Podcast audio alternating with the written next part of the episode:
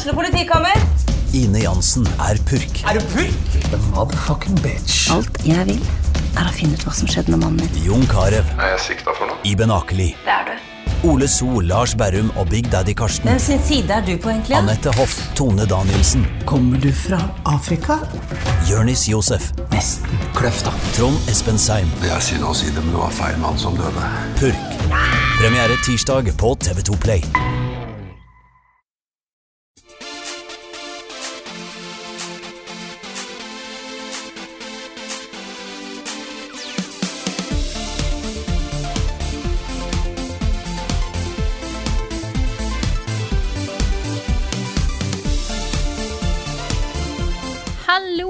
Alle sammen, og velkommen til en ny episode av podkasten Level Backup med meg, Frida Danmo.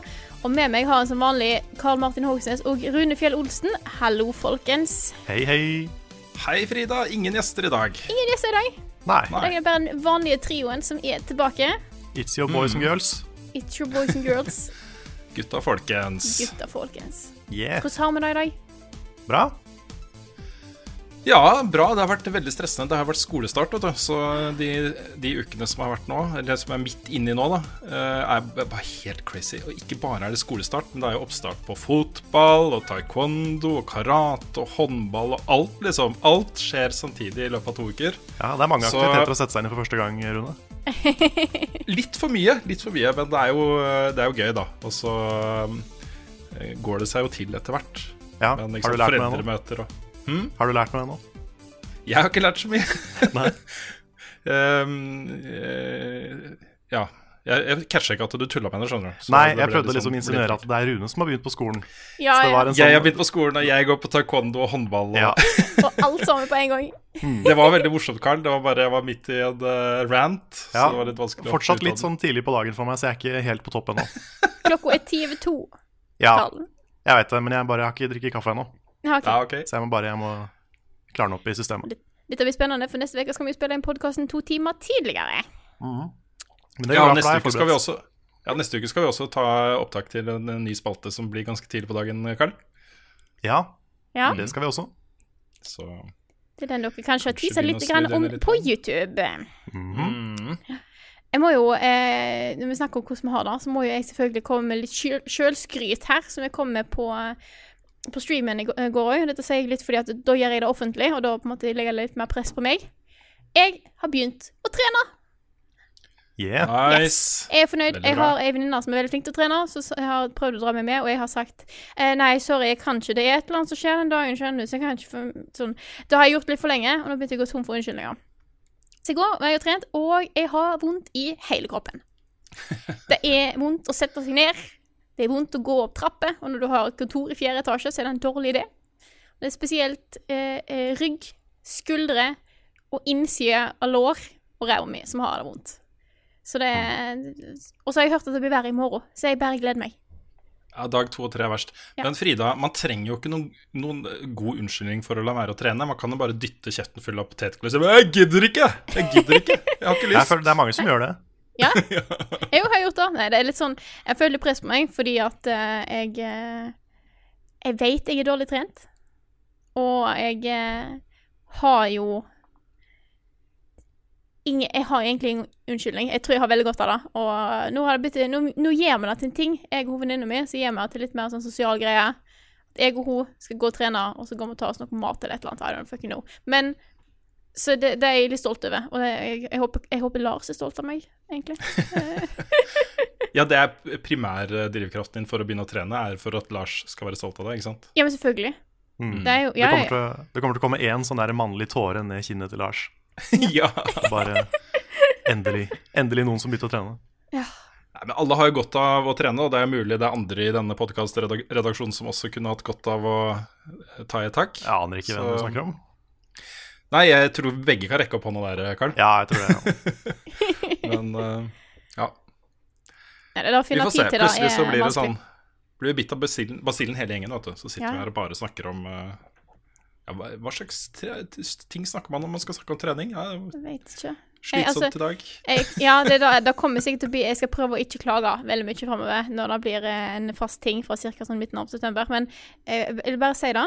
Fordi at nå, vet, nå er det jo et, par tusen som vet at jeg har begynt å trene, og da kan ikke jeg skuffe de lytterne våre. Det er mer, mer enn et par tusen. Det er det? Ja, OK. Mm.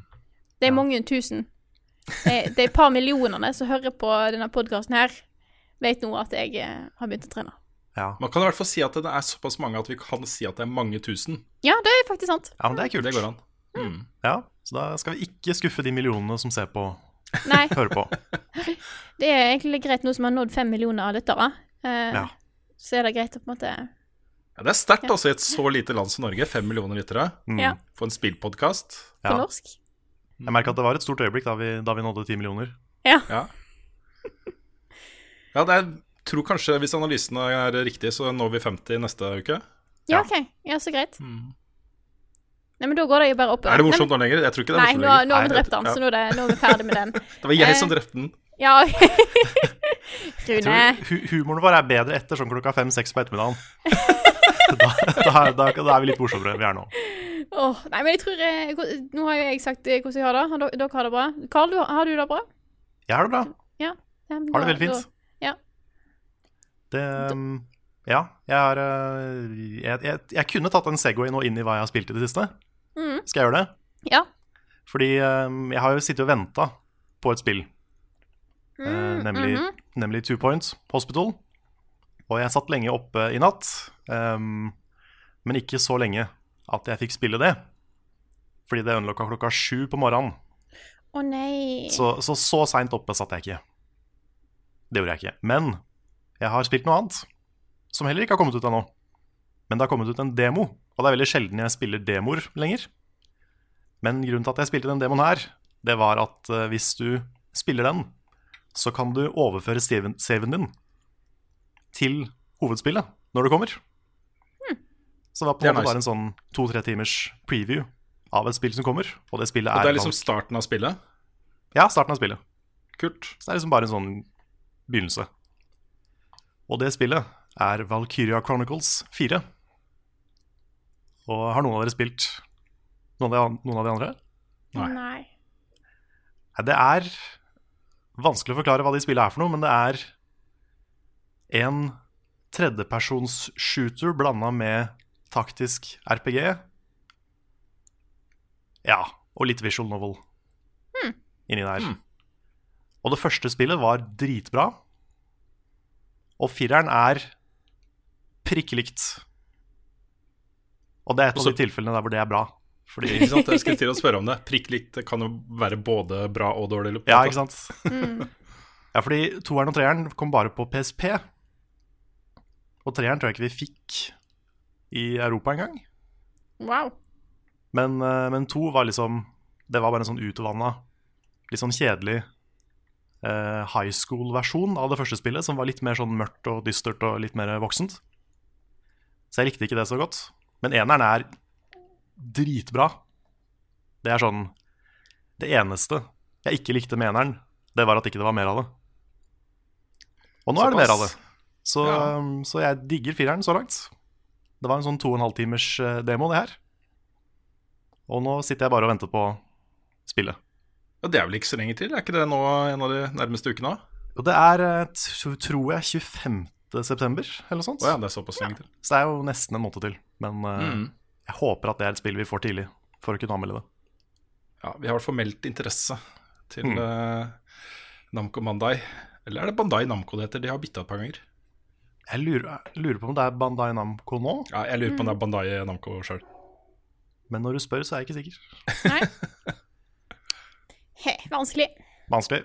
Ja. Men, eh, men ja, det har jeg spilt, og koser meg med det. Det er en corgi som er sånn her, eh, som maskot for, eh, for eh, platoonen din. Så hunden er med ut i krig og er bare søt. Å. Og jeg, jeg forventer at det skal gå bra med den hunden. Ja, altså, det må jo da. Mm, Ja. Det er jo alltid det med, med kjæle- kjæledyr i spill. Ja. Det gjør det. Alltid fint. det gjør det. Og det var et sånt dødsfall i det første spillet, uten å spoile hvem det var, som var sånn ut av det blå, og det var veldig trist. Å, shit. Så nå sitter jeg og tenker at hvem er det som kommer til å dø nå? Mm, Hvem er den uventa personen som kommer til å dø? Og jeg, jeg mm, sitter og venter på det. mm. Fordi nå, nå er de tilbake på litt den der mørke, dystre delen igjen. Ja. Så Nei, men jeg, jeg liker det so far. Veldig godt. Det er et spill å, å, å se opp for. Apropos død, det er vel mulig det skjer litt av det i Two Point Hospital også? Eller i hvert fall eh, Hvis fare for diverse det. skader. Jeg har ikke sett så mye om det, men jeg så en anmeldelse hos Eurogamer i dag Å ja, okay. som var, var veldig veldig positive. Sa det var eh, bedre enn en, enn, eh, Team Hospital. Oi. Det er store ord.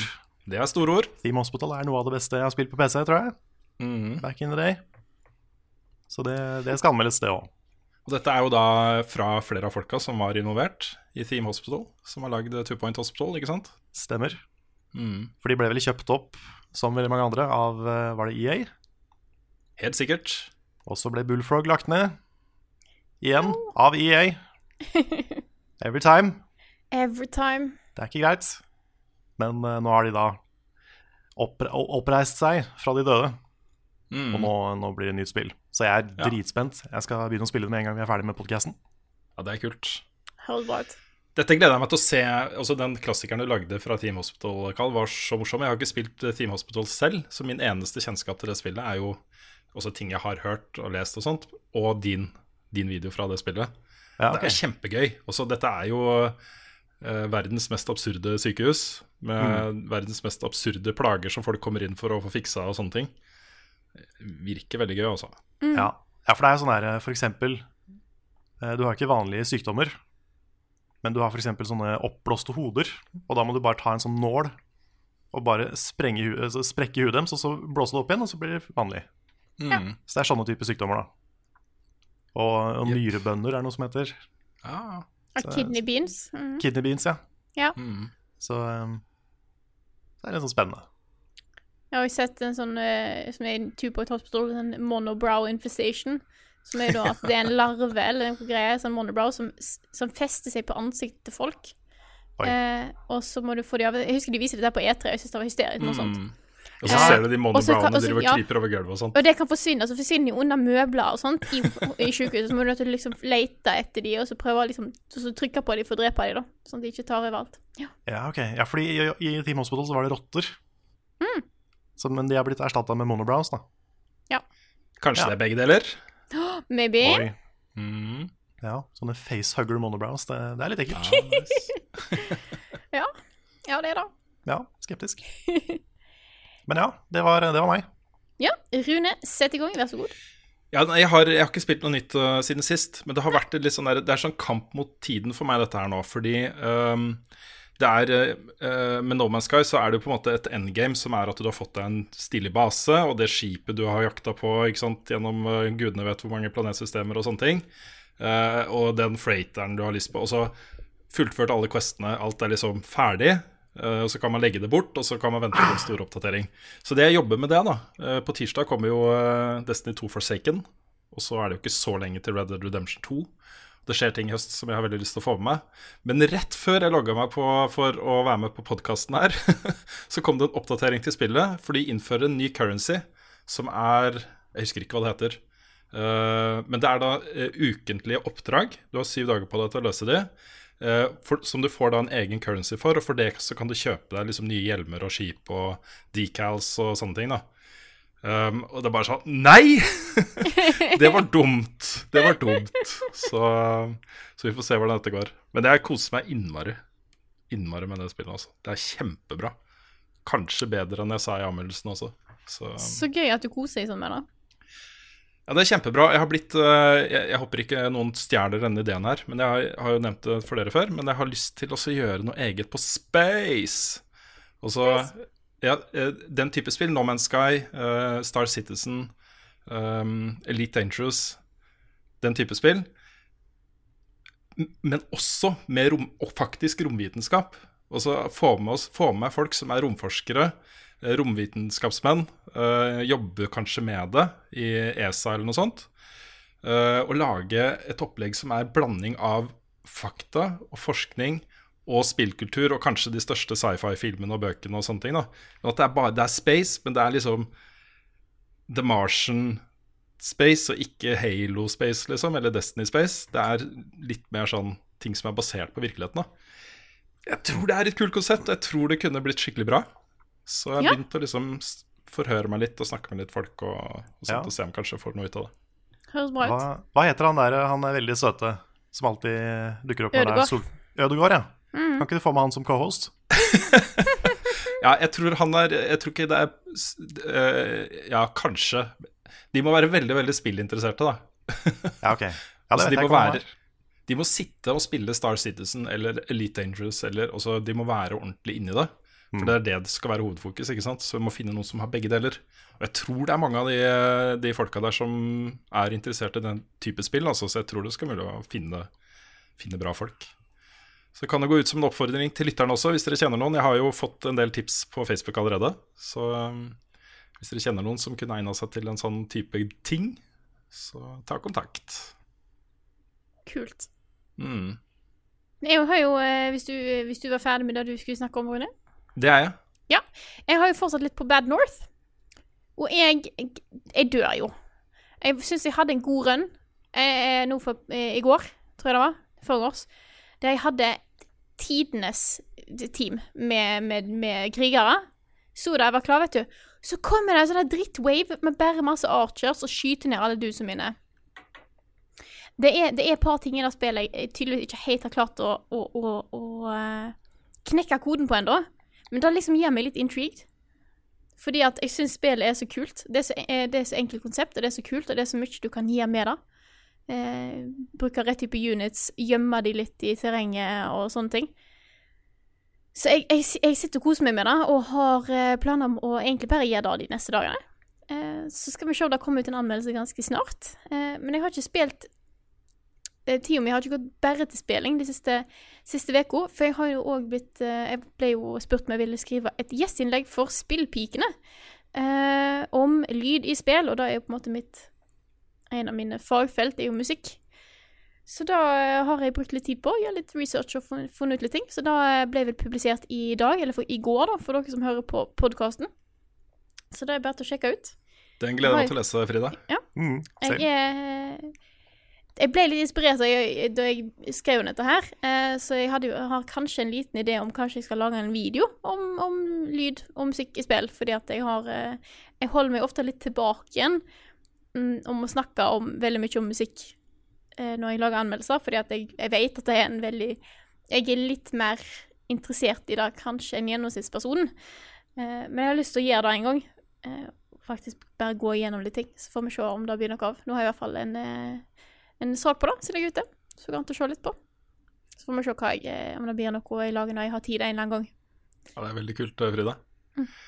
Og så ta bare en ekstra sånn tilleggsshout-out til Spillpikene, for de har blitt en institusjon i norsk mm. spillflora.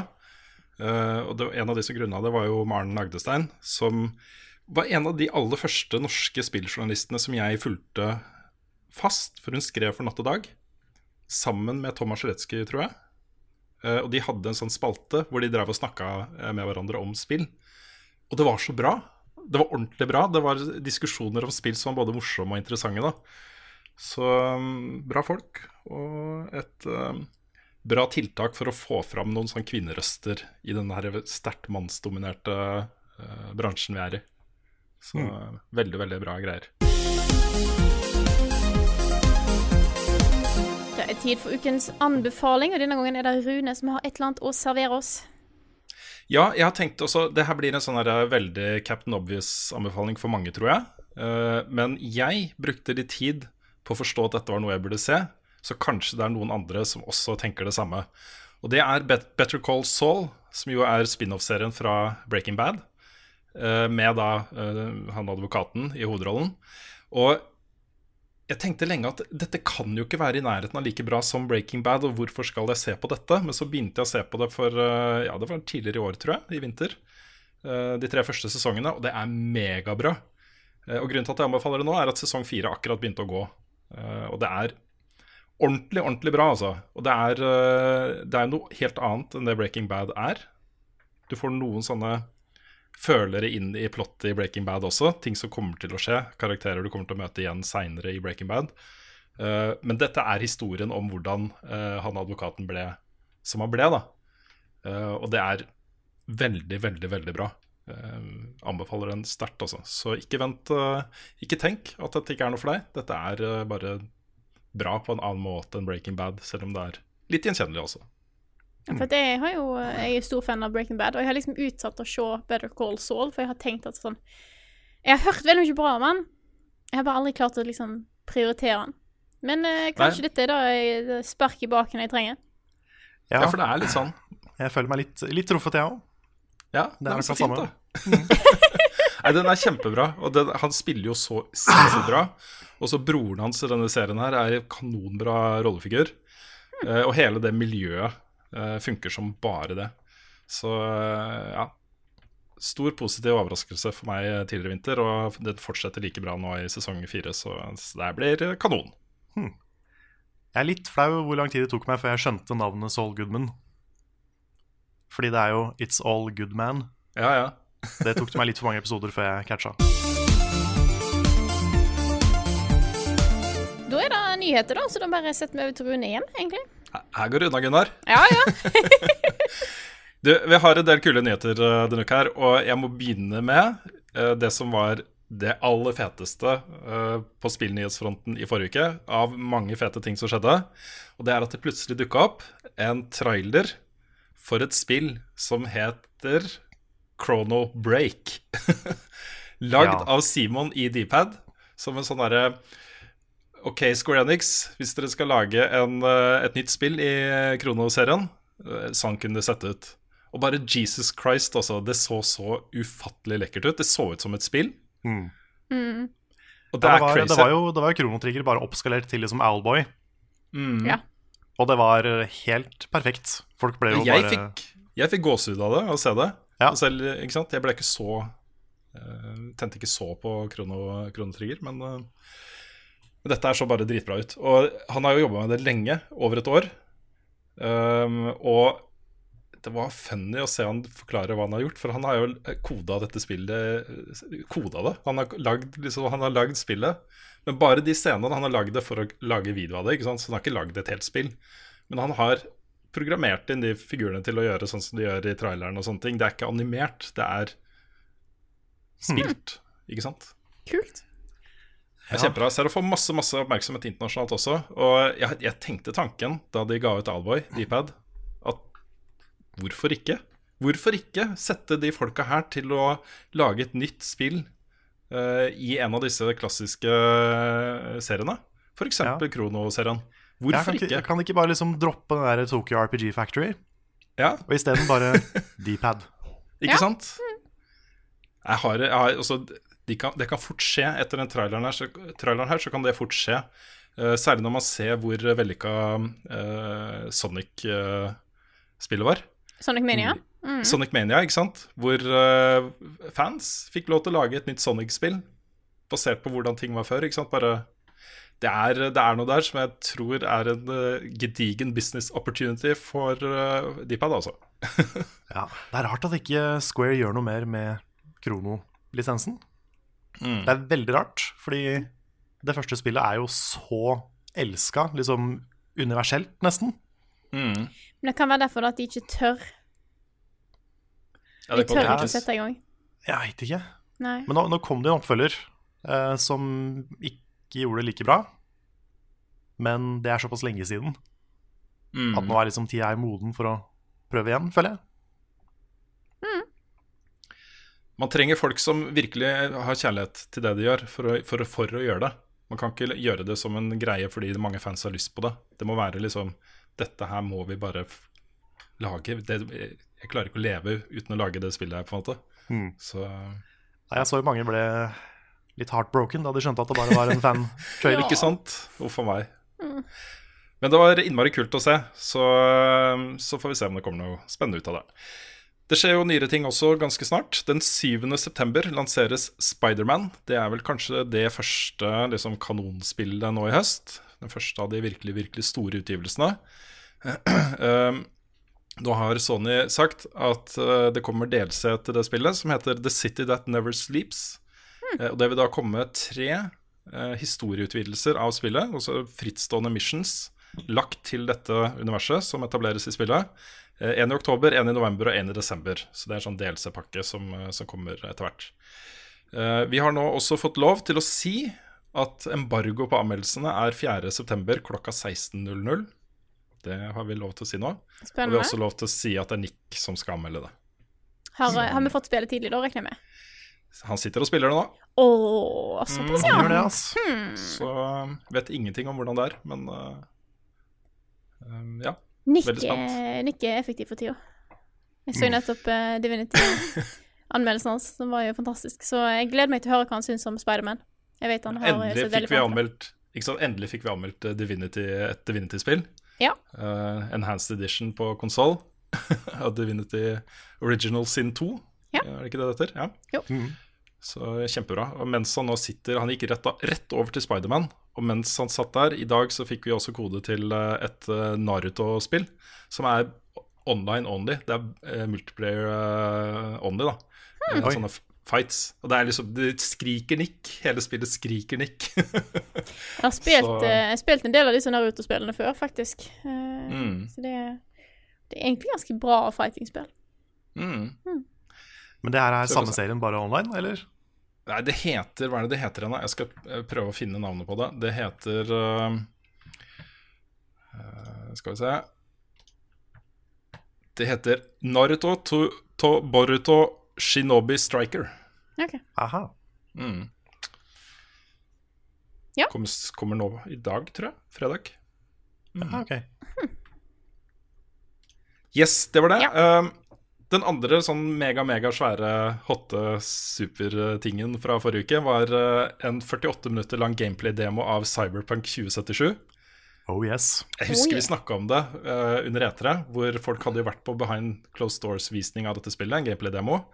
At denne videoen her, video fra det de ser der inne, kommer, til, kommer de til å slippe i juli eller august. Så det rakk jo akkurat august, da. Men det er jo den, det er jo den demoen som vi får se nå. Jeg har ikke sett hele. Jeg har, jeg har ikke lyst til å se hele, fordi um, Ja, fordi. Men jeg har spola gjennom og sett sekvenser her og der, og det er bare Jesus Christ, altså. Den verden der. Mm. Jeg har prøvd å holde meg litt vekk fra den av samme grunn, men eh, det Mm. er umulig å unngå å se litt ting her og der. Jeg bare sånn Se en eller annen gif her og der, bare sånn Å, Q-Dap-spillet her ser bra ut. Ja, det gjør det. Ja. Ja. Jeg, tenk, jeg tenkte å ta et spørsmål her fra Rune Jacobsen, uh, som er relatert.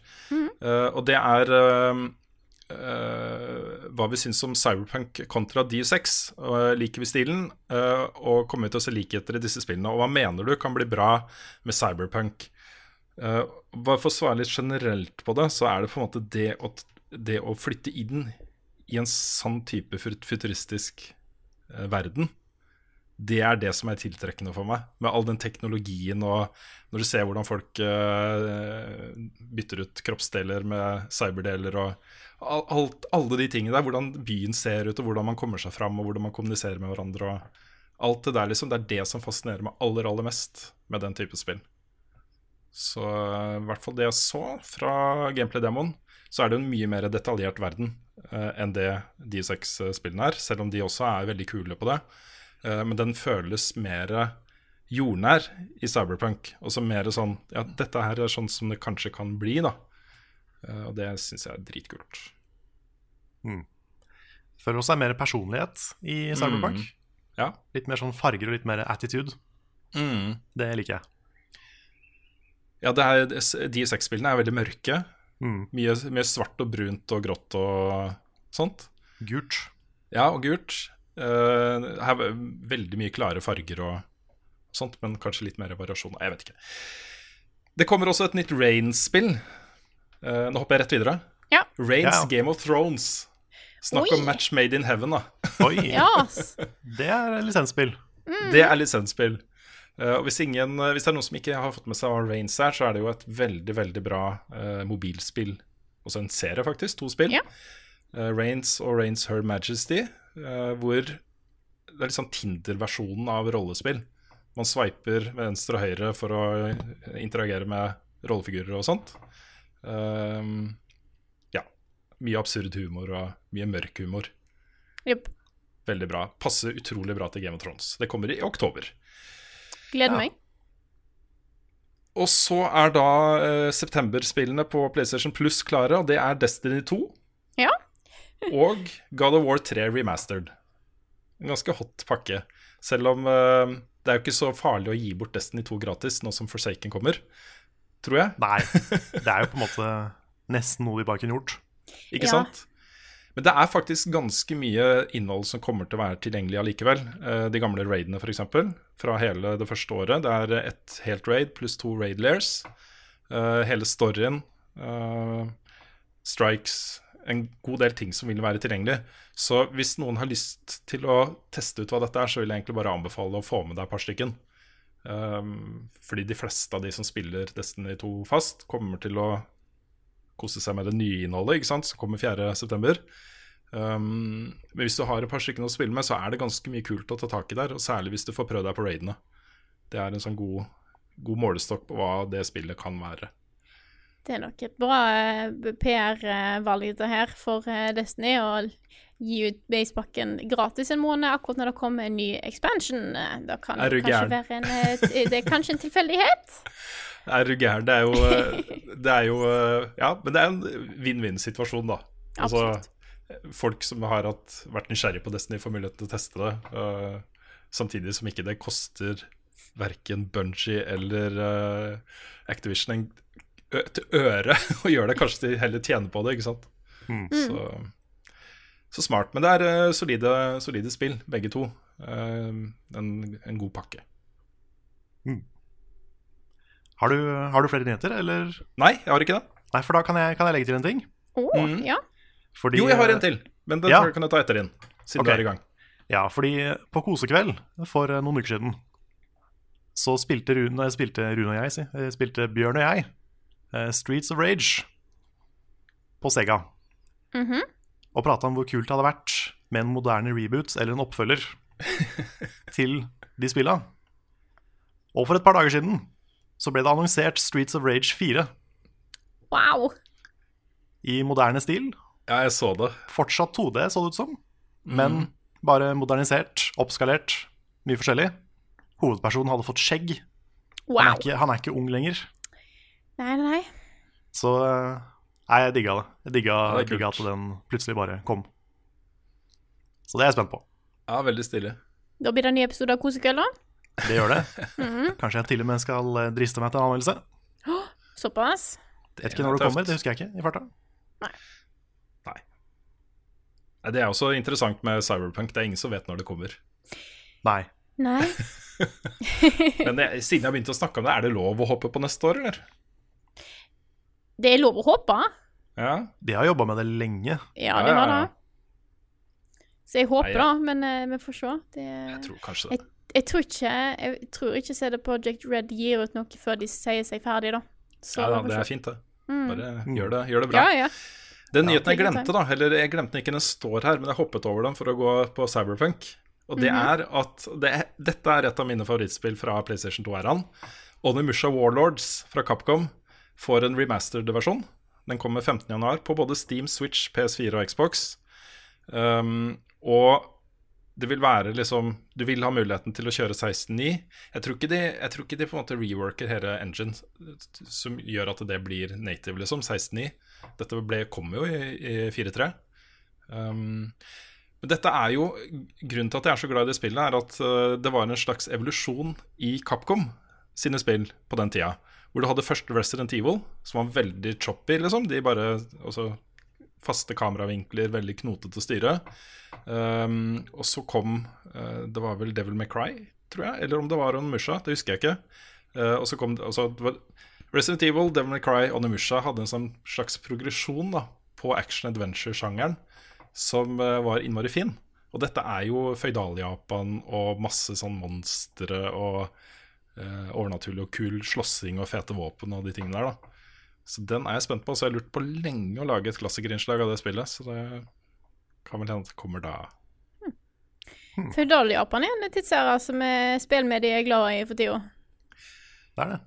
Det spekuleres jo i om at, uh, at Sekiro og uh, Ghosts of Sushima har vært sterkt delaktige i at Capcom, nå relanserer Onimusha, og at de kanskje lurer litt på om de skal Og Nio, for så vidt. Ikke Ja. bare for så vidt, men selvfølgelig. Ja. Um, at det, kanskje de skal gjenopplive Onimusha og lage noe nytt der også. Det kan hende, altså. Det er jo ofte det som skjer når de begynner å plutselig bare remaster. Så er det sånn Ok, hvis dette her selger bra, så kanskje vi kan lage et nytt spill. Og jeg caller det her og nå. Okay. Assassin's Creed 2020, Ja. Føydal-Japan. ja. Mm. Ah, har Ja, jo kanskje. en del på. Eller, eller Viking, med, med God of War-suksessen. Ja da, for så vidt. Ja, det kan også. være. Nei, men jeg, jeg har, jeg har også, Det har ligget så i kortene. Hvorfor har ikke Assassin's Creed-serien vært i Japan ennå? Ja, det er egentlig liksom- sant. Ja, det har folk bedt om siden to, tror jeg. Ja, I hvert fall siden do. Mm. Men jeg tror folk begynte å tenke på det på Assassin's Creed 1, hvor de snakka om at de skulle legge spill i forskjellige tidsaldre og sånne ting. Så det har jo vært et om- ønske lenge. Tenk om de tar en annen vri, da. Bare sånn Nei, vi skal ikke til Japan, og så tar de Kina. Ja, det er ikke noe dårlig valg, det heller. Nei. Men har de ikke det vært i Kina i litt sånn bonusting? Er det ikke et mobilspill som er i Kina? Eller så er det en comic, det husker jeg ikke. Men det er noe Assassin's Creed som i hvert fall har vært i Kina. Så serien Ja. har på en måte vært innom. Mm. OK. Så det er kanskje et tegn på at det, det, er, det er noe mer der. Det kan hende. Spennende. Ja. Jeg har, en, jeg har jo satt opp en sak til her som jeg har vært usikker på om vi skal ta opp eller ikke. Eh, Rett og Ok. slett fordi det kan bli jeg vet- Det er jo kanskje okay. verdt å snakke om det. Eh, Ja, Jeg vet ikke. Mm. Men det er jo denne skyteepisoden på Madden-turnering i USA. Ja. Hvor eh, en spiller eh, tok opp en pistol og drepte to. Og skadde ganske mange eh, i tillegg. Um, dette var det nye Madden-spillet, som det var en stor turnering i. EA har nå- kansellert de resterende eh, turneringene i eh, det systemet her, for det skulle da ende i et stort mesterskap. eh, alle som gikk videre fra de forskjellige turneringene. De har også donert 1 millioner dollar til ofrene for skytetragedien. De har opprettet et nytt fond som skal leve, som skal gå da til, til de etterlatte og de skadde. Eh, og de skal ha en livestream den 6.9., som vi ikke vet, vet helt hva er ennå. Eh, men eh, det vil jo være til inntekt for ofrene i Jacksonville. Jeg, jeg synes det har vært altså Det er selvfølgelig en utrolig tragisk hendelse, og det har vært eh, eh, Hva skal man si? Det å eh, sitte og være glad i spill og få den type hendelser knytta til spill, er jo ikke noe gøy. Um, og man tenker jo med en gang at det kommer til å bli liksom ramaskrik og sånne ting. Eh, Men jeg syns egentlig at diskusjonen etterpå har vært ganske ok. Um, og ikke for uh, hva skal man si, overdrevet en eller andre veien.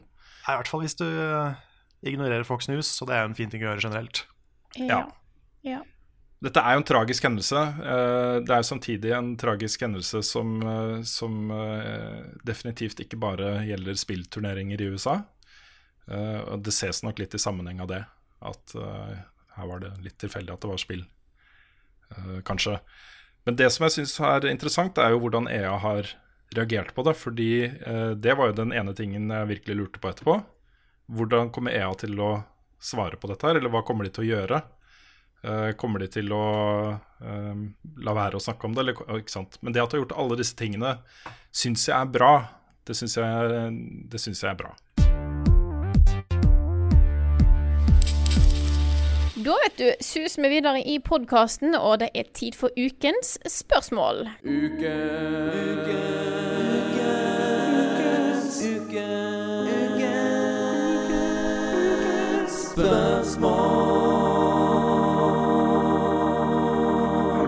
Og ukens spørsmål kommer fra patronbacker Adrian Simen Holm, som skriver Det er mange spill fra de siste åra som har fått svært høye karakterer fra mange anmeldere, som God of War, The Witcher 3, Uncharted 4, Bloodborne, Super Mario Odyssey, The Legend of Zelda, Breath of the Wild, Horizon Zero Dawn, Inside, Last of the Grand Theft Auto 5, for å nevne noen få. Det var en god liste òg, må jeg helt ærlig innrømme. Eh, alle disse spillene er eksempler på moderne spill som har fått nærmest universell hyllest av både kritikere og spillere. Men hvor mange av disse spillene vil bli huska som klassikere? Og jeg tenker da ikke bare om ti år, men om eksempelvis 40 eller 50 år eller mer. Innenfor film er det fortsatt mange 50 år gamle filmer som huskes som klassikere i dag. Mange vil hevde at spill blir utdatert langt fortere enn andre medier pga. den kontinuerlige utviklingen når det gjelder både grafikk og spillmekanikker. Vil det gjøre at spillmediet sammenlignet med filmmediet kommer til å huske potensielt svært få gamle spill som genuine klassikere, som fortsatt kan nytes fullt ut flere tiår etter det blir gitt ut? Eh, hvilke spill fra de siste x antall åra tror dere eventuelt vil, vil tåle tidens tann og bli huska som udødelig klassiker i mediet? Det er et solid Ja. spørsmål, og det er viktig. Ja, han har en tilleggsbetraktning Ja, se ja. også. Synes Synes dette er interessant å tenke på, som potensielt kan gi et litt annet perspektiv på spill som gis ut i dag. Det er helt riktig. Jeg må også nevne at eh, Adrian har, er jo tidligere kollega. Har jobba med oss i Level Up. Stemmer. Uh, utrolig hyggelig at du backer oss på Patreon, Adrian. Det syns jeg er kjempestas. Um, og det var uh, veldig gøy å jobbe med deg back in the day. Så er det nevnt. Ja. Men han har helt rett. Altså, det, det blir jo mye høye karakterer. Um, jeg, tro, jeg tror det har litt med å gjøre at, at uh, spillmediet utvikler seg så fort. Altså, uh, det, det Særlig grafisk og teknisk så skjer det så mye nye ting, så man setter liksom lista nye steder hele tiden. Det er ikke ett sted hvor den lista ligger, og der, that's it, liksom. Den har ligget der bom stille i 20 år. Den flyttes høyere og høyere, eller den flyttes i hvert fall. Uh, så, så det kommer liksom hele tiden ekstremt gode spill innenfor en sjanger som gjør ting bedre enn spill før, da. Uh, og derfor så er det naturlig, ikke sant. Men det er et interessant poeng Ja. at det blir så mange høye karakterer. Det er det. Og og så syns jeg det er veldig vanskelig å tenke sånn 40 år fram i tid, fordi spillmediet er så ungt. Ja. Så vi vet jo ikke noen ting om, om det. Nei, Det vi vet, er jo man kan gå tilbake i tid, til 80-tallet og tidlig 90-tallet og sånt, og se hva slags spill er det vi trekker fram som klassikere i dag. Eh, og mange av de er jo fortsatt fullt ut spillbare, uh, og funker fortsatt. Uh, men det kan nok tenkes at, at hvis man skal se det som en personlig ting, da, hva man anser som klassikere, at det har mye med nostalgi å gjøre også. At ikke det bare er tidløse spill som alltid er morsomme å spille, uansett hvor mange år som har gått siden sist og sånne ting. Um, så det er nok mye liksom vi som sitter i dag og definerer hva som er klassikere, som har liksom varme, nære forhold til enkelte spill. da. Men Det er nok en del av tingen. Ja, men det er jo igjen det som vi snakker om. For hvis vi sammenligner med filmmedier, da, som har jo selvfølgelig vært gående en del flere år enn det spillmedier har, men det har du jo klassikere du kan gå tilbake til som eh, For jeg har sett en del av disse eldre, gode, gamle svart-hvitt-klassikerne, da. Bare for å se hva det er for noe. Og de er jo fortsatt bra. De er jo annerledes enn det de er i dag, men det er jo fortsatt mye av det som kan eh, fullt ut kan eh, Som jeg vil telle som gode filmer, da, fortsatt. Så mm. tror du Det er vi jo- noen sånne spill som eh, da faktisk går forbi bare den der, disse nostalgibrillene og kan være universelt gode om eh, noen år? Film er jo litt Det er jo Det har jo ikke interaktiviteten, ikke sant. Den har ikke uh, teknologi og gameplay og interaktivitet på den samme måten som spill har. Uh, og det er gjerne de tingene som utvikler seg uh, etter hvert som tiden går, ikke sant. Men samtidig så er det jo, det er jo ting som Jeg vet ikke om jeg vil si det ikke kan bli bedre, men det har blitt gjort veldig, veldig bra veldig, veldig tidlig. For eksempel Super Mario World. Det er jo et spill som på en måte Jeg føler det er det samme nå som det var da Mm. det kom. Ja. Så jeg tenker litt sånn, da. Uh, om, vi har, om vi finner noen eksempler på sånne spill Mm. som fortsatt kommer til å være like bra. Jeg tenker litt sånn Det er gjerne de spillene som gjør noe kult først, som blir huska. Mm. Mm. Eller i hvert fall kanskje ikke først, men først og best. Ja. Så uh, Først og best er eh, Jeg tror, jeg tror du har rett i, Karl.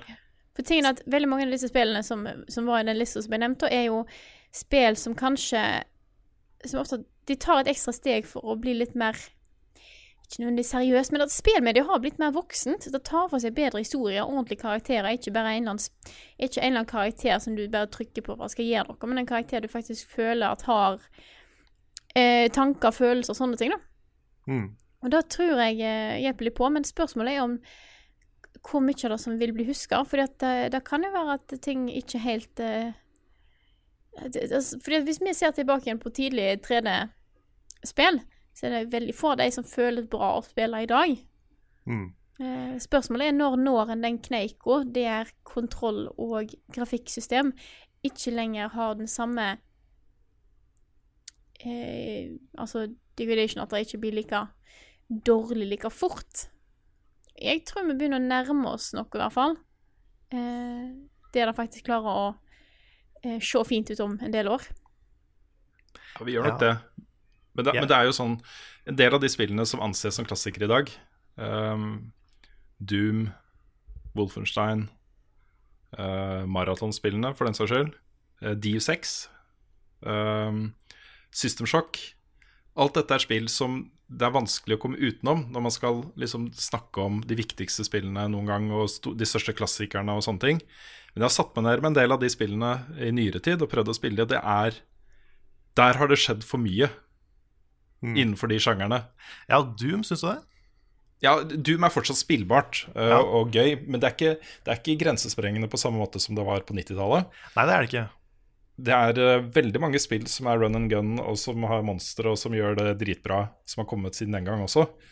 Eh, men de var liksom først, da, uh, Wolfenstein og Doom, og får mye anseelse av det, tenker jeg da.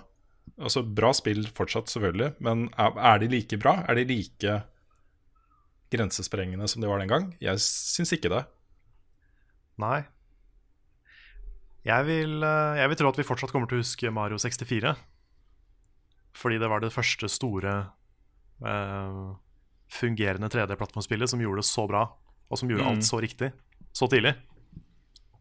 Litt mer usikker på Mario Odyssey, selv om det er liksom bedre på så å si alle måter. Men Mm. det var ikke først.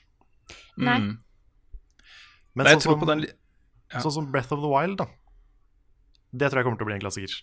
Fordi de gjorde så mye annerledes, og i tillegg gjorde det så bra. Det blir ikke litt Ja, det spennende å se. Vet du hva, da tror jeg, eh, Hvis jeg skal være litt sånn kritisk, da tror jeg vil avhenge av hva de gjør videre med serien nå. Egentlig. Ja, kanskje. Men vi husker jo fortsatt Ocarina of Time, fordi det Ja, var det første som gjorde den oppskriften. det er sant. Jeg tror eh, Skal jeg, jeg tror Portal-serien kom til å stå igjen. Fordi at det gjorde noe med Det første gjorde noe med Altså Da Altså Playing with Portals. Det, gjorde, det introdusert en kul gimmick som har holdt seg veldig bra. Det er en gimmick som funker på veldig mange måter fordi at han, har- han har ordentlig bra fysikk.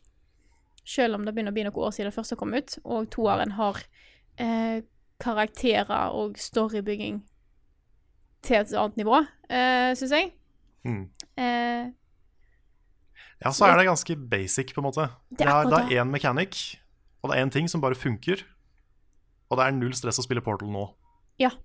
Fordi det er, det er ikke noe vanskelig kamerastyring nødvendigvis. Det er ikke noe vanskelig mekanikker. De som er lagt inn, er enkle. Eh, Og det som gjør det spillet bra, er på en måte måten det bruker de enkle mekanikkene som kan holde seg gode i mange år, og karakterene som, eh, som jeg ikke tror vil eh, føles dårligere om noen år. Jeg Tror det er vanskeligere for f.eks. Assassin's Creed, Shadow of Mordor, kanskje også The Witcher, å få den Ja, statusen? Jeg, jeg tror Witcher 3 Jeg hadde tenkt å si det, fordi det er et eksempel på et spill som um, gjorde så mye riktig at eh, det de har blitt litt sånn benchmark for Ja. mange andre utviklere. Ja, ja, kanskje. Men jeg tenker litt på det og God of War som sånne. Mm. De er veldig, veldig, veldig bra nå. Jeg vet ikke hvor mye de har å tilby om 40 år. Det er veldig vanskelig å svare på, men Ja, det er kjempevanskelig. det er fordi jeg tror det vil være forskjell på de som bare er ekstremt gode eksempler på hvor sjangeren står anno 2017 eller 2018, liksom, og de som i tillegg har uh, hatt noe ved seg som uh, er såpass unikt og spesielt at uh, det skiller seg ut da når man ser tilbake om mange, mange år, mange tiår. Uh, men jeg tror det er flere av de spillene på den lista han ramsa opp. Eh, flere av de spillene som kommer til å bli trukket fram som klassikere. Å ta et spill som Inside, f.eks., det kommer ikke til å være noe vanskelig å spille det om 40 år. Um, det, er, det kommer til å være Det er liksom stilisert, ikke sant. Om 40 år, hvis det fortsatt er spillbart på en eller annen plattform, så kommer folk til å spille det, og folk kommer til å digge det da også. Det er ikke noe um, eh, Tiden vil ikke løpe fra et spill som det, da. Nei. Nei, 2D-spill har jo en fordel der, på en måte. Ja. Mm. De holder seg bedre. Men jeg mener det samme gjelder The Last of Us. Det er, liksom, det er sånn, kanskje det mest opplagte eksempelet på en genuin klassiker på den lista over uh, spill han uh, ramsa opp. da Mm. um, Det tror jeg, altså. Mm, eneste der er om kontrollsystemet Ja, det er for, såpass godt at det, da skal gå fint. Jeg bare sitter og prøver å finne ut måte, om det er noe der. Da er Skytinga er vel litt sånn helt grei, hvis jeg husker rett. Ja. Jeg tror det, det å spille The Last of Us om, om noen år kommer til å være litt som å spille PlayStation 2-spill nå. Ja, tror du det? Jeg tror det. Fordi det skjer er såpass mye. Og det er, ikke, det er ikke alltid vi merker hva som skjer, men det er når vi går tilbake til de at vi merker at det har skjedd ting. Mm. Ja. Jeg er sånn jeg, jeg, har, jeg har ikke spilt The Last of Us mer enn én gang. Og kan hende at jeg får en overraskelse hvis jeg prøver den. Det vet jeg ikke. Jeg spilte det jo første gang i fjor. Ja. Eh, Jeg merka at det var litt Kanskje litt kronglete, men ikke sånn problematisk. Jeg er bare spent på å se hvor det er om Hvordan det føles om 10-20 år, da. Mm. Mm. Men så er det jo òg spill som sikkert vil bli huska som klassikere, som ikke nødvendigvis Som jeg spør som er like bra å spille da, da. Og hvis du, da tenker jeg mer på spill som har vært store. Eh, for eksempel Minecraft. Som er jo gigantisk, har vært der i mange år. Spørsmålet er hvordan det vil føles, for da er jo kanskje Jeg vil tippe at det vil komme bedre Sandbox Creative Games senere, som er bedre. Det skal du ikke si for sikkert, Frida. Nei, nei, det, nei. Men likevel, da. Eh, det er et spill som er interessant å se hvor lenge vil holde seg, egentlig. Fordi at det har holdt på så lenge nå, og fortsatt er svært, er større enn det har sikkert noen ganger vært. Det er et livsløp som kan være interessant å få med seg med året som kommer. Mm. Jeg tror at hvis du om 40 år ikke ser på Minecraft som en klassiker, da tror jeg du gjør noe galt. Nei, nei, nei, nei. Sånn, akkurat det jeg sier, da. At jeg tror at det fortsatt blir sett på som en klassiker. Jeg er bare spent på hvordan det vil eh, oppleves sammenlignet med de andre spillene som er der, og hvordan det vil mm. føles. Mm. Ja. Ja, men jeg er samtidig litt sånn spent på hva kommer vi til å si om Pokémon Go og Fortnite.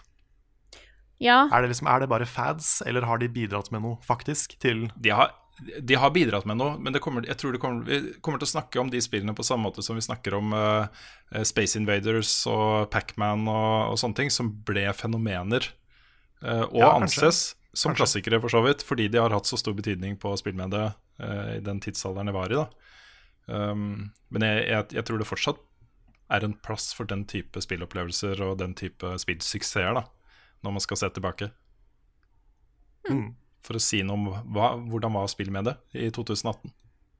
Ja. World of Warcraft kommer jo selvfølgelig til å huskes. Mm. Det tror jeg definitivt. Men det er en del av disse spillene her sånn som uh, Det blir jo en subjektiv liste i dag, da, i hvert fall i dag. Så kan man Ja. kanskje prøve å være litt mer objektiv om 40 år. Uh, men det er en del av disse spillene som uh, f.eks. GTA5 eller Horizon eller øh, Uncharted 4, som er udiskutabelt for min del også dritbra spill, um, men som kanskje ikke Og som mangler den siste tingen liksom, som gjør at det blir en udødelig klassiker. um, det er ikke nok at de er dritbra, tror jeg. De må, de må ha tilført noe. Noe, eh, noe nytt eller noe eh, utrolig spennende, eller gjort ting på en måte som ikke har blitt gjort før, eller um, ja, være grensesprengende på et eller annet vis. Da. Mm. Bare sånn siden ikke vi har nevnt Souls i podcasten ennå. Så eh, jeg er litt spent på hva vi kommer til å huske best av Dark Souls og Bloodborne. Mm. For jeg tror det er Dark Souls, men jeg håper litt at det er Bloodborne. På en måte. Ja. I don't know. Det er Jeg alltid spennende å se hva som, er, hva som står igjen. Det er ikke sikkert det er det vi tenker nå, at det står igjen. Det kan være noe helt annet. Plutselig noe Mm. som får en eller annen sånn eh, kultstatus om noen år, sant? og plutselig blir mer populært enn noe annet som var. mm. Ja, fordi det er, i hvert fall nå da, så er det en grunn til at alt er hashtag litt sånn som Dark Souls. Det har jo skjedd ting eh, som følge av de spilla. Det har Ja skjedd en endring i spillmediet pga. Souls. Mm. Men for å runde av litt på Med mindre dere har noe å til, selvfølgelig. For min del. Um, det som jeg henter ut av spørsmålet, og den måten å tenke på det å anmelde spill uh, Det er rett og slett hvor, også en diskusjon vi har hatt internt i redaksjonen i- i mange år. Hvor høyt skal da sekseren først i gamle dager, og nå ti av ti. Hvor, hvor skal vi legge lista for den? Og jeg mener jo at uh, det perspektivet, da hvor, hvor uh, Hvordan vil fremtiden se på det spillet her? Hvordan vil folk se på dette spillet her om 10 år, om 20 år, om 30 år? bør ligge der og lure i bakhodet ditt når du skal vurdere en tier til et spill. Så der feila jeg miserabelt første året som indie. Og slang ut tiere til alt mulig rart. det var annet eh, med bakgrunn i den type diskusjoner som Adrian eh, snakker om, snakker om her, at jeg liksom tok et skritt tilbake og revurderte og eh, la lista høyere. Så, mm, eh, så det er et nyttig, nyttig perspektiv å ha som anmelder, tror jeg. Å prøve å se for seg For hvis du kan si liksom nei, om ti år har alle glemt det spillet her, så bør det ikke få en tier, liksom. Nei, Nei, er kanskje ikke. litt både òg, kanskje. Ja, for det spørs hvor stort spillet er. Noen spill er litt små. Ja. Noen er bare små og veldig, veldig, veldig, veldig bra. Ja. Så jeg vet ikke. Men jeg, jeg ser poenget. Ja, Ja, nå, ten, nå, ten, nå tenker jeg ikke at folk flest skal se på det som en klassiker, men du personlig. OK, sånn, ja. om ti okay. år, Ja, når du ser okay. tilbake på det. Ja. Da er jeg med. Hmm. Ja, OK. Ja. Nei, altså, den lista blir jo høyere hvert, eh, for hvert år som går. Det er jo ikke noe tvil om. Nei. Det var nesten vondt å ikke gi Dead Cells 10, men uh, det var akkurat ikke. Ja. Da er vi der vi skal være, Carl. Mm. Yes. Eh, Men da fortsetter vi videre med, med litt andre spørsmål her. Vi har fått et spørsmål blant annet fra Simen, som spør på en frokost med level up, bacon eller egg? Why not both? Det skal være begge deler. Det er sånn der, jeg ville bare ta det bare som vi kunne bare definere at det skal være beg- bacon og Bacon og egg. Bacon og begg. Ja. Naked og bag. Yes. Yes. Nei, det, det er best sammen, Mhm. selvfølgelig. Hvis jeg måtte velge, så eh, hadde nok blitt bacon. Men uh, Ja. det hadde føltes som en litt fattig frokost. Ja, Jeg er en eh, sucker for eggerøre, så kan være jeg hadde gått for egg. Ja, jeg hadde kanskje gått for egg bare for, sånn, for samvittighetens skyld. For jeg føler jo når jeg spiser bacon, så spiser jeg liksom ba bare formen av usunt, på en måte. Ja. Mm. Så um, bare spise bacon, det hadde vært uh, litt scary. Jeg hadde moren min på besøk eh, i går, og da spanderte hun eh, eh, lunsj på meg på uh, Night Talk. Så da var det full, eh, full amerikansk brunch med eggerøre og bacon og pannekaker og bønner og stekte poteter og hele pakka, liksom. Det Sweet. Yes. Det er som en Misunnelig på god lunsj av og til, altså. Ja, det var eh, helt konge. Men kan vi fortsette her med et eh, eh, lett spørsmål til meg så- eh, fra Pål Lillengen, som skriver Siden Frida sitter på et grupperom på realfagsbygg på NTNU, er det da mulighet for å stille et livespørsmål hvis en finner henne under innspilling? Du, ikke gå og leit etter Frida på Nei. NTNU. Nei, ikke gjør det. Ikke, ikke gjør gjør det. Så jeg tok det bare for å si sånn Nei, eh, sorry. Hvis noen kommer inn her og forstyrrer podkasten, så blir jeg litt irritert. Det har skjedd en gang. At noen bare tilfeldigvis kom inn. Så eh, please, ikke gå rundt og lete etter meg. Eh, hvis du er på NTNU, så har du sannsynligvis andre ting å gjøre i tillegg. Så eh, sorry to disappoint you. Men det blir eh, ingen, ingen muligheter for live spørsmålstilling i podkasten. Eh, sånn som det er nå, i hvert fall. Men Eh, du kan jo komme på sånne events vi har, og vi Ja. spiller inn podcast live. Da kan man Mm. stille live-spørsmål. Yes. Absolutely. Da blir det fullt mulig å gjøre sånne ting. Eh, vi har òg eh, fått et spørsmål her som ikke er spillrelatert, men det kommer fra eh, Lars Halvard Oldekjær Isdal, som spør ikke spillrelatert, men hva er den beste konserten dere har vært på? Godt spørsmål. Vanskelig Ja. å svare på. Hmm. Jeg kan jo kanskje gjøre det spillrelatert, Ja. fordi jeg tror den vi var på eh, nå i for to år siden, Score, Score? Mm. det er det eneste konserten der vi har begynt å grine. Så det føler jeg har, eh, det har litt verdi. Mm. Så jeg tror jeg må si Score. Jeg, Jeg har vært på så eh, mange bra konserter. for-. Hva sa du, Rune? Jeg har vært på så mange bra konserter. Ja, da kan jeg ta den først. Gjør det? Eh, framsyningen av The Human Equation-albumet til Eirion i Rotterdam for to-tre år siden. Tre år siden må det være nå. Eh, The, The Theater Equation. Live-framføring av en eh, rockeopera satt opp som en musical. Eh, med hoved eh, The Man himself, Arjen Lucassen, som dukka opp på scenen etter hvert. Det var Ingenting kan toppe den, tror jeg. For meg. Hmm. Jeg, kan, kan jeg si flere, og så Ja. prøve å bestemme meg mens jeg snakker om det? Ja. Eh, U2 Su TV-konserten innendørs i Göteborg i 92, tror jeg det var. 93, husker ikke helt. Det var bare amazing. For det første så var det liksom en utro... Jeg var veldig glad i YouTube på den tida. Um, men ble ikke superfan før Actum Baby, som er var liksom et nytt skritt for det bandet. da Uh, Og de var veldig det, var, det albumet er fortsatt utrolig bra. da og showet deres var helt fantastisk. Så vi sneika oss, vi hadde egentlig dårlige plasser, men vi sneik oss over uh, gjerdet og ned på gulvet og sto rett foran scenen. Det var en helt fantastisk konsertopplevelse. Um, men også Pulp på Øya for et par, par fire år siden. Den sjokkerte meg. Det sjokkerte meg hvor bra den var, fordi det var jo et, et avleggsband, liksom. De var jo var store for mange, mange år siden. Men de oppførte seg som om de var superstjerner fortsatt, og det var de for så vidt. Altså, mange som er veldig glad i Pulp.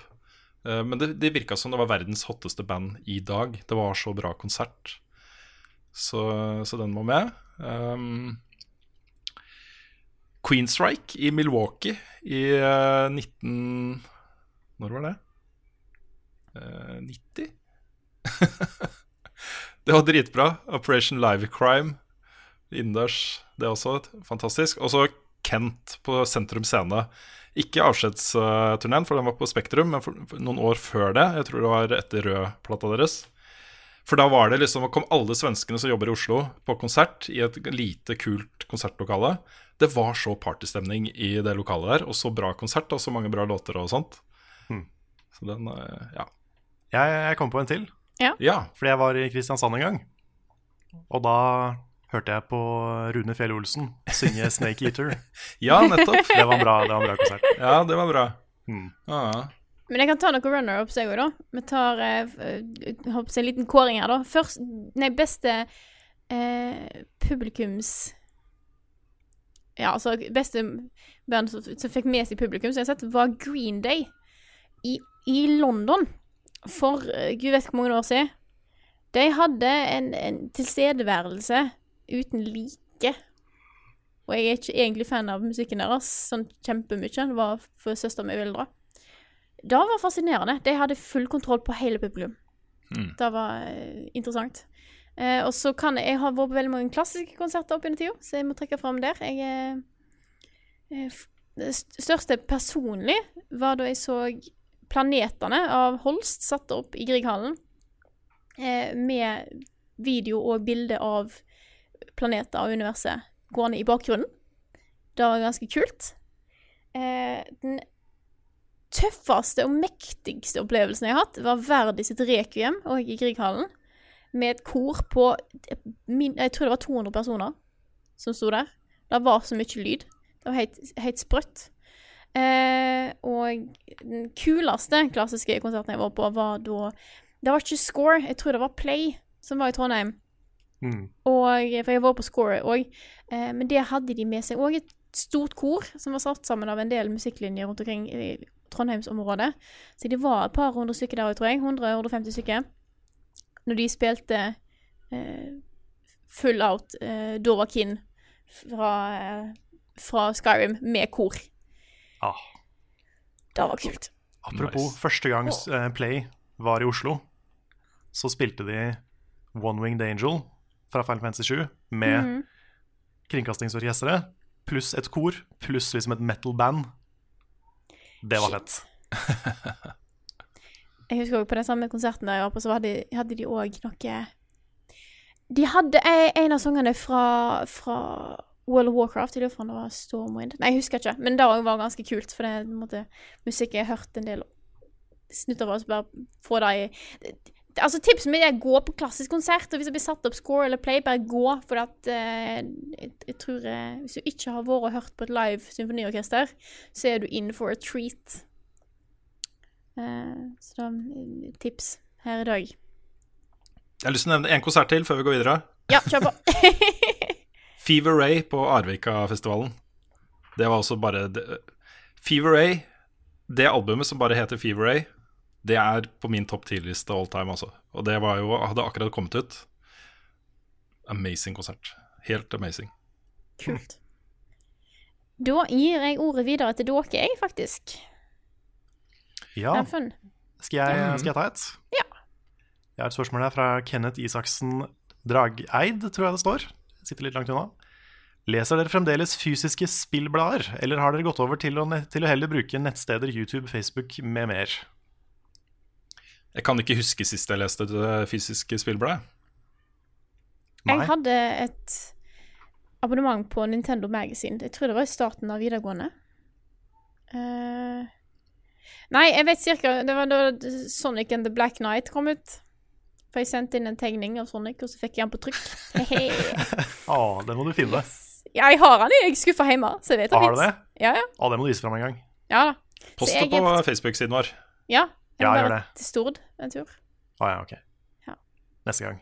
neste gang. Ja, men jeg skal, jeg skal finne det, for jeg vet jeg var rundt da. Så eh, cirka da hadde jeg et abonnement, for jeg, jeg, jeg fikk det ganske billig. Ellers ikke. Nei. Nei. Nei, jeg misunner ikke fysiske spillblader nå, altså. De kan Nei. ikke ha det så bra. Det er, eh, jeg, jeg var veldig stor på det en periode. Det tror jeg også var Det var enda tidligere, det var sånn ungdomsskolen, tror jeg. For da var det et, et Pokémon-blad. Sånn skikkelig, skikkelig sånn tjukt, superomfattende Pokémon-blad. Som handla om mest korta, tror jeg. Det het Pojo. Og det var bare så in depth og så bra. Det var uoffisielt. Ja. Men de folka var så utrolig flinke. Så det var kvalitet, altså. Og det er, det er få spillblader jeg har vært borti som har vært så bra som Pojo. Så Det var jo- en liten shout-out som er ca. 20 år for seint. Kanskje 15-16 fast- år for seint. Jeg var fast leser av Edge. Leste det hver måned, eh, mange år. Og det er fortsatt et veldig, veldig bra magasin. Um, men på et eller annet tidspunkt så var det helt uaktuelt å kjøpe spillblad lenger. Og jeg gikk over til å abonnere på det elektronisk. Og selv det ble liksom litt mye. Altså det å sette meg ned en gang i måneden og lese et blad fra perm til perm. Selv om det står mye interessant der. Bare det, det skjer ikke. Så um, det er lenge siden min, mine eh, leser- og seervaner eh, følger på en måte sosiale medier da, mer. At jeg får linker til in veldig interessante artikler et eller annet sted. Det kan stå hvor som helst. Det er bare folk som jeg har sansen for, som anbefaler det. ikke sant? Eh, det er der jeg leser det beste greiene nå. Helt random. Hvor hvor jeg finner ting. Mm. Yes. Mer, mer spørsmål? Rune har vel et, kanskje? Ja da. Um, skal vi se. Det er et spørsmål her fra Espen Sandnes Sørensen, som sier han liker både Soulmates og Hardcore. Det er kjempehyggelig. Hyggelig. Eh, men spørsmålet hans er hva, uh, Han sier han har slutta å se på uh, Soulmates-serien fordi han har skaffa seg Dark Souls eh, Remastered selv og har begynt å spille det. Så spørsmålet hans er uh, hva er deres tanker om å få for mye infotips om et spill før dere spiller det? I hvor stor grad synes dere det er greit før det føles som juks? Godt spørsmål. Mm. Jeg prøver jo å Det hender hvis jeg ser en Let's Play-serie bare sånn OK, dette her virker kult. Da, eh, spesielt hvis det er storybasert, så slutter jeg å se. Mm. Mm. Så da eh, det, det er på en måte en litt personlig valg, egentlig. Ja, jeg er ikke så peng til juks, kjenner jeg. Fordi det Nei. å bare se noen andre spille det samme du har spilt, føles ikke feil for meg. Nei, men å se noen andre spille det du har tenkt til å spille. da. Ja, det er litt annerledes. Fordi mm. sånn jeg pleier å gjøre det, i hvert fall i Souls-spill, det er å Jeg følger jo Epic Namebro, som han heter. Beste Souls-spilleren, eh, streameren ever, syns jeg. Eh, Men det jeg pleier å gjøre, er at jeg spiller opp til et visst punkt, og så ser jeg det han har gjort, på de samme stedene der hvor jeg har vært. Og så fortsetter jeg og sjekker hva han har gjort, bare for å se liksom hva jeg har missa. Mm. Så går jeg kanskje tilbake og gjør de tinga. Det er, det er sånn jeg gjør det også. Jeg har ingen problemer med å bruke andre, andres Let's Plays for å um, oppdage ting i områder jeg har vært i, som jeg ikke har catcha selv. Eh, og ofte også på gjennomspilling nummer to av den type spill, så kan jeg fort sitte og bare følge en guide, rett og slett. Mm. For å være sikker på å få med alt. Så, så det har jeg ikke noe problem med. Men jeg er veldig opptatt av å gå inn blindt i de spillene jeg spiller. Det samme gjelder jo Jeg hater jo trailer og altfor detaljerte gameplay-demoer og alt mulig rart, liksom. Jeg vil helst ikke se det. Jeg må se mye av det i jobben min, liksom. Dessverre. Ja. Men jeg vil vite så lite som mulig. Jeg vil vite akkurat nok til å gjøre meg nysgjerrig på en ting, og så ikke mer. Ja. Det Ja, er, er jeg liksom, enig. det, er, det er sånn opplevelsen blir best, da. ja. Sånn som uh, Jeg har allerede sett nok av Assassin's Creed Odyssey, f.eks. Mm. ja. Og Trenger det, ikke å vi kommer til å få 40 trailere til før det spillet er ute. Minst. Minst. Ja, men Det Ja. samme gjelder jo Red Dead 2. Det er Mm. liksom, Jeg vil ikke se mer av det. Nå kom det en lang, fin gameplay-trailer. Det er mer enn nok, altså. Mer enn nok. Noe, Snart må disse her utviklerne lære seg at du trenger ikke Folk blir ikke mer hypa hvis du gir dem mer innhold på forhånd. Nødvendigvis. Nei. Men jeg tror det det- og så funker det ikke så bra å invitere Trevor Noah for å presentere et nytt skåd, eller hva det var. Uh, Battlefield. Battlefield var det. Ja. Ja.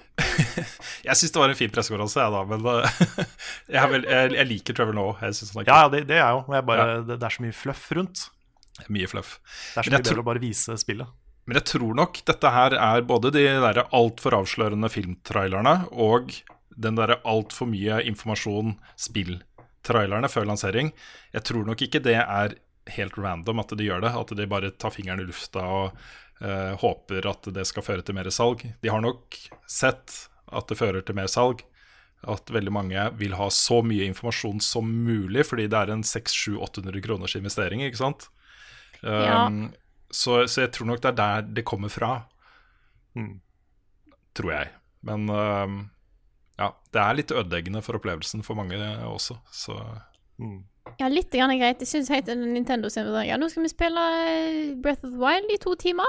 Bli med. Jeg bare sånn Nei. Nei, det, Nei, det det er ikke jeg ikke. interessert i det hele tatt. Nei, Nei. faktisk ikke. Så det, det, det hvordan de gjør det, da. Mm. Det er det. mm. Yes. Nei, men har vi mer, eh, mer spør spørsmål? ja, jeg har, Jeg kan du kan ta- ta, ja, du kan jeg ta det først, Karl. Ok, ok. Da tar jeg fra Bjørn Korneliussen her. Eh, Hva tenker dere om bredden i spillindustrien i dag? Er det nok innovasjon i markedet med nye ideer til spill, eller går det for mye i oppfølgere og remakes? Eller er balansen fin som den er? Jeg tror balansen er akkurat sånn som den skal være. Ja, det er veldig sånn, eh, veldig sånn ukritisk av meg å si det, men det var akkurat det jeg hadde tenkt å si. Det er sånn, Jeg er veldig fornøyd med det her spillene. Det er. Så hvis du ser bort ifra all driten med mikrotransaksjoner og preorder-bonuser og sånne ting, så er liksom bredden og rasjon i spillmedia er bedre enn noen gang. Jeg liker at det er så mange eh, uavhengige enkelt, enkeltpersoner da, som har mulighet til, å nå har muligheten til å lage de spillene de har lyst til, Mm. og få de ut. Eh, og at du har indie-selskap som kan lage spill som Hellblade. Eh, eller én person som setter ned og sånn jeg skal, lage, 'Jeg skal lage et spill jeg, om noe monster i underbakken som eh, har det litt fælt, og så skal vi lage masse følelser rundt det. Og da, og da liksom tar internett med storm, da, fordi at du har internett som er en sånn plattform der hva som helst kan dukke opp. Eh, og få den oppmerksomheten det trenger uten at du trenger å ha gigantiske publishere bak deg. Spillmediet er på en god plass fordi at folk har mulighet til å, Folk har en plattform der de kan få ut informasjon om tingene sine, sånn at eh, de gode spillene, ikke bare trippel A-spillene, blir sett.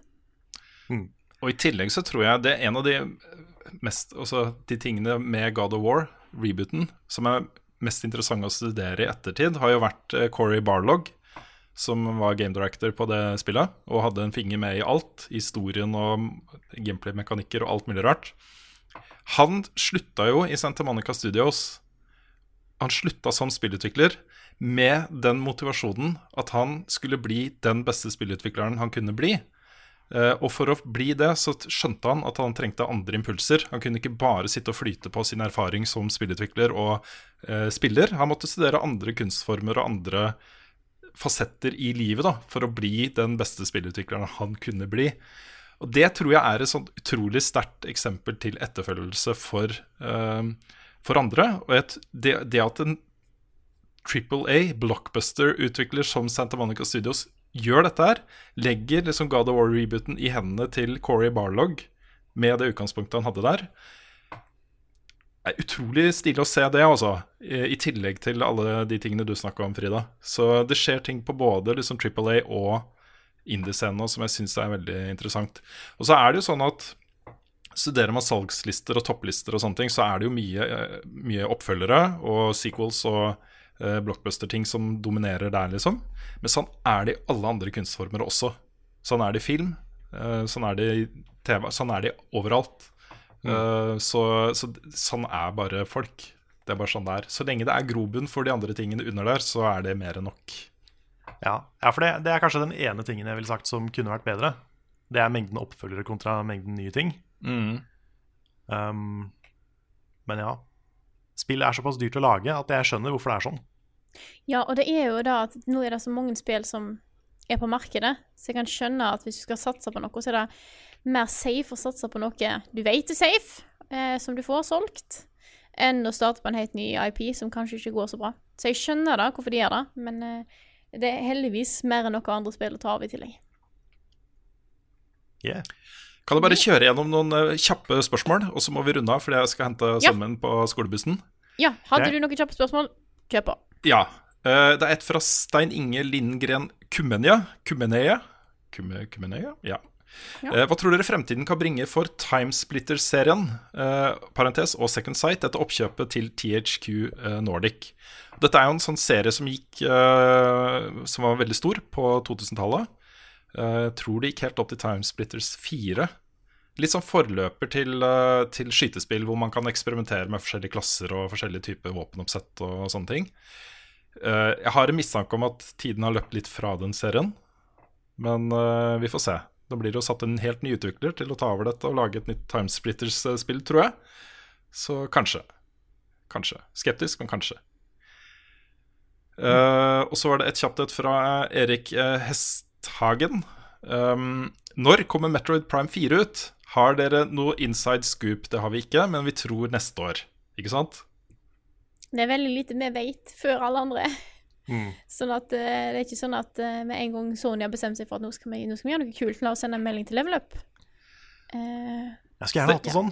ja, det hadde vært fint. Men hvis dere, hvis dere vil vite hva Dpad eh, planlegger i tiden framover, så kan det hende at vi har noen inside scoops til dere som vi har fått Ja. under bordet et par ganger. Ja, Som vi ikke får lov å fortelle dere. Ikke sant? Nei.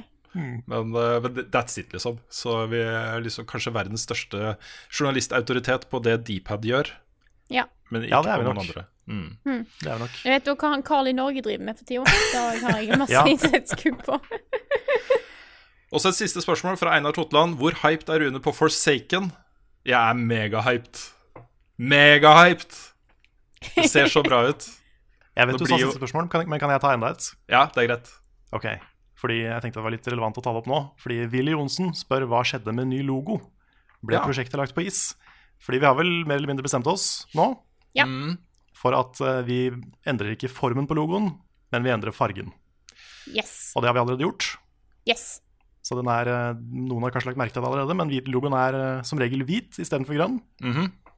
Og har litt forskjellige farger på thumbnails og sånne ting. Ja. Så det blir en, en mangefarga logo istedenfor en grønn logo. Men vi har fortsatt lyst til å gjøre noe med LVUP. Så det, det kan det hende at vi gjør.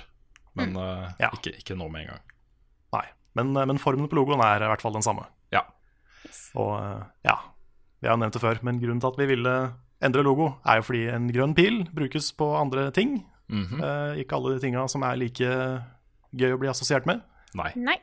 Så uh, that's why. Mm. Yes. Og så kan jeg ta et kjapt spørsmål, for nå er vi så godt i gang her, sant? Oh shit! Superkjapt. Det er for Oda Sinterudberg som spør hvordan vet dere hva musikk eller sanger som kan brukes i video med tanke på copyright? Vi vet ikke, spesielt når det kommer til soundtrack. Eh, det prøver vi oss litt fram, så ser vi hvordan det går.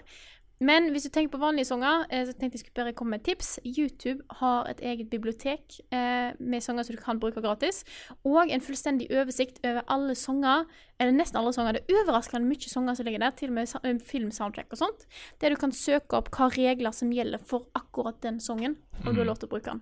Om du har lov til å tjene penger på den, om du har lov til å lage cover, etc. Så det var mitt sånn superkjappe tips.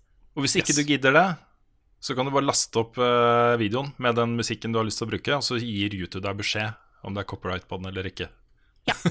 Det kan du også gjøre. Hvis du, da risikerer du også copyright strike, da. Ja, det gjør du Det for så er ikke så gøy. Ja. Nei, det er ikke så gøy. Kanskje Ikke, sånn ikke, bruk, ikke bruk populær liksom, listepop. Nei. Men det, Nei. det da, under da mister du ganske fort kanalen din. Mm. Ja, Men det eh, et tips til. Ja. Um, Kjapt. det er veldig veldig mange remixer på YouTube og på ocremix.com. Og nesten alle sier at det er helt greit at du bruker det, så lenge du krediterer de. Mhm. Og det er dritmye bra. Veldig mye Yes. bra, altså. Så kjør på med remix av spillmusikk, f.eks. Vi må nevne én ting til før vi avslutter, Frida. Ja, det er greit, da. Podkastfestival på Tilt. Onsdag 31. oktober klokken 17.00 med Saft og Svele, Spillmatic, Lolbua, Radcrew og Level Up. 100 Wow. kroner cover charge. Ja. Bra kveld. Det blir eh, onsdag 31. oktober. Det kommer til å bli kanongøy. Blir det event på Facebook? Det kommer i dag. Det er mulig at det er ute når podkasten er ute. Hei, spennende. Vi jobber, jobber Ok. med saken. Sweet. Mm. Yes, og med da så tror jeg det er på tide at vi runder av denne podkasten, eh, som finnes takk være våre fantastiske Patron-backere. Tusen takk. Ja, dere er de beste folka, og da sier vi ikke bare for å ha en avslutning på podkasten, men fordi at vi faktisk ikke hadde klart oss uten dere. Så tusen takk. Tusen, tusen takk. Dere er de beste gutta, folkens. De absolutt beste. Ja. Og med det så må jeg eh, si tusen takk for oss. Takk for at du har hørt på denne episoden av Level Backup. Du er jo en av våre ti millioner lyttere. Mm. Ja, Mm. så det er Og du er ja favoritten. Ja, du er favoritten. Akkurat du, Ja. faktisk. Jeg liker måten du har hår, og du har øyne og nese. Ja. Åh, nå er det ti millioner lyttere som rødmer kledelig. Ja. Ja, ja, ja. så for eh, Ja.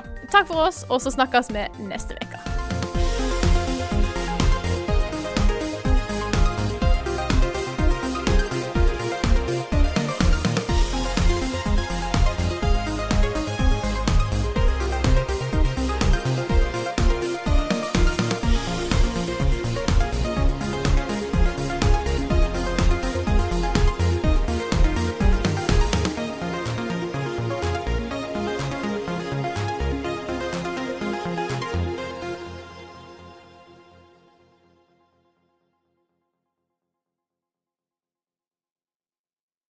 Har du et enkeltpersonforetak eller en liten bedrift? Da er du sikkert lei av å høre meg snakke om hvor enkelt det er med kvitteringer og bilag i fiken, så vi eh, gir oss her, vi. Fordi vi liker enkelt. Fiken superenkelt regnskap.